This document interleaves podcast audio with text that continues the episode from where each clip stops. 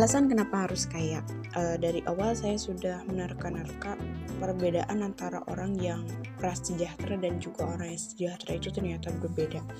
Nah, kenapa alasan harus kaya itu bukan alasan yang sangat materialistik, alasan yang memang sangat bertumpu pada materi dan lain sebagainya. Tetapi di era eh, saat ini, eh, hal-hal seperti ini perlu diperhatikan. Kenapa? Karena agar tidak menyulitkan kehidupan kita. Alasan kenapa harus kaya? Karena memang begini kita di dalam hidup ini selalu berorientasi untuk menolong, menolong orang lain.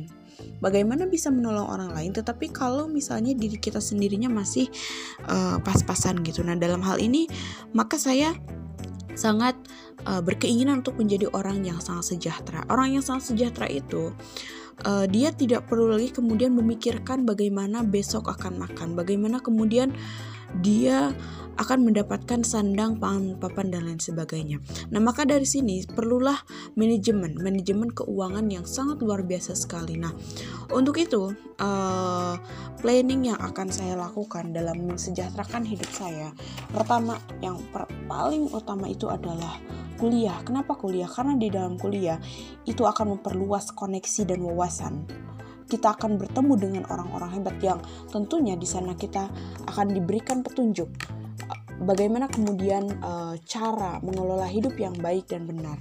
Kemudian juga kita akan menerima informasi update dan juga relevan dan juga tentunya akan bisa mesejahterakan keluarga, memutus rantai kemiskinan. Nah, kaitan dengan hal ini dengan kuliah, dengan korelasi dari bagaimana kemudian kita menjadi orang yang sejahtera adalah ketika di masa depan kita tidak lagi memikirkan hal-hal yang seharusnya tidak dipikirkan. Contohnya seperti saya tadi singgung, bagaimana besok makan. Orang yang hidupnya sejahtera itu sudah tidak memikirkan hal-hal seperti itu, tetapi lebih berorientasi pada pikiran-pikiran yang lebih fundamental. Seperti bagaimana cara caranya menolong orang lain yang kesusahan, bagaimana caranya kita untuk berkontribusi untuk orang lain. Nah, jadi pikiran kita akan semakin terbuka. Pikiran kita akan semakin bagaimana kemudian kita mensejahterakan orang banyak. Karena apa? Karena diri kita ini sudah sejahtera.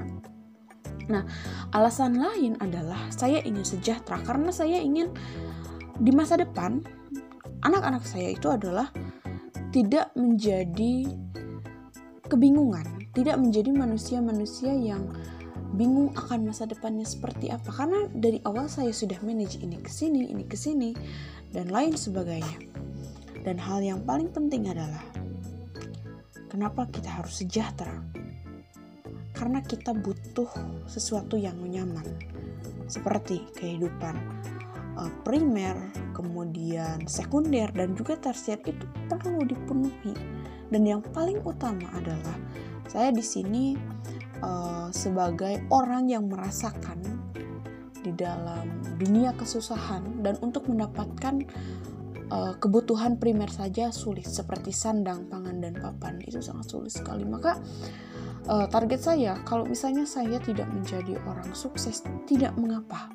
Tetapi asalkan kebutuhan primer saya itu terpenuhi sandang, pangan, papan dalam artian uh, sandang saya tidak perlu lagi uh, membutuhkan uluran dari orang lain. Kem kemudian kaitan dengan uh, papan gitu ya.